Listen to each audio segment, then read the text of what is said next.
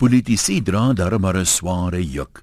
Ek kan my nie indink hoekom iemand 'n politikus sou word nie, wel wetende dat as jy jou mond oopmaak, jy verkeerd aangehaal gaan word. As 'n mens politici moet glo, is geen joernalis gebore in staat om hulle reg aan te haal nie.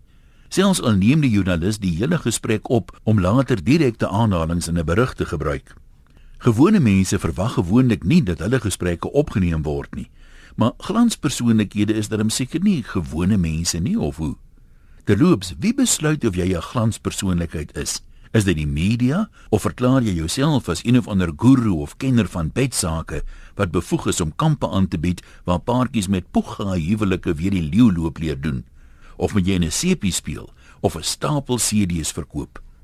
Sommige glanspersone leef mos deur die media. Eers moet die publiek hoor hoe's elke dag in hulle huis Valentynsdag. Dan moet ons hulle swangerskappe saam meemaak en lees hoe hulle ook soeibrand kry. Kompleet nes gewone mammas. Dan word die babafoto's in die media verskaf vir publikasie, gevolg deur die eerste verjaardagpartytjie se foto's.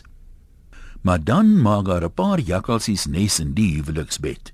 En as die media navraag doen oor ander vrouens of mans met wie hulle baie danig lyk op 'n partytjie, dan moet hulle tog asseblief hulle privaatheid gegun word. Dis hel om so voortdurend in die openbare oog te wees.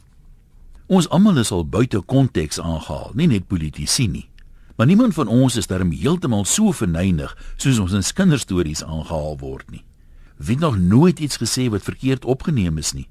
Soms moet jy jou woorde beter gekies het en soms moet die ander persoon beter geluister het. Gelukkig stel min mense belang in wat ons gewone sterflinge doen of sê, anders as glanspersoonlikhede. Onlangs het daar weer opnames aan die lig gekom waarin 'n glansvrou na bewering haar siek vervreemde man verneder en 'n paar lelike dinge toesnou. Volgens haar is die opname gemanipuleer. Wel, as iemand bevestig sy was by toe die opnames gemaak is, raak dit moeilik om te beweer dit was glad nie jy nie. Die stem klink net soos joune.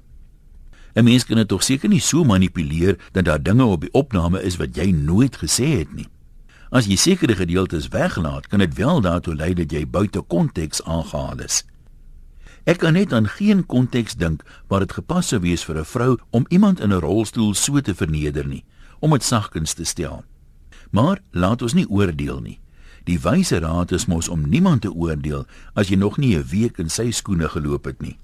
Dalk moet ons almal, glansmense en valmense, liewer so praat asof alles wat ons sê opgeneem word. Ek raai jy sal in so 'n geval ver moet gaan soek om iemand te vind wat nie aansienlik anders sou gepraat het nie. Groete van oor tot oor. Antoniem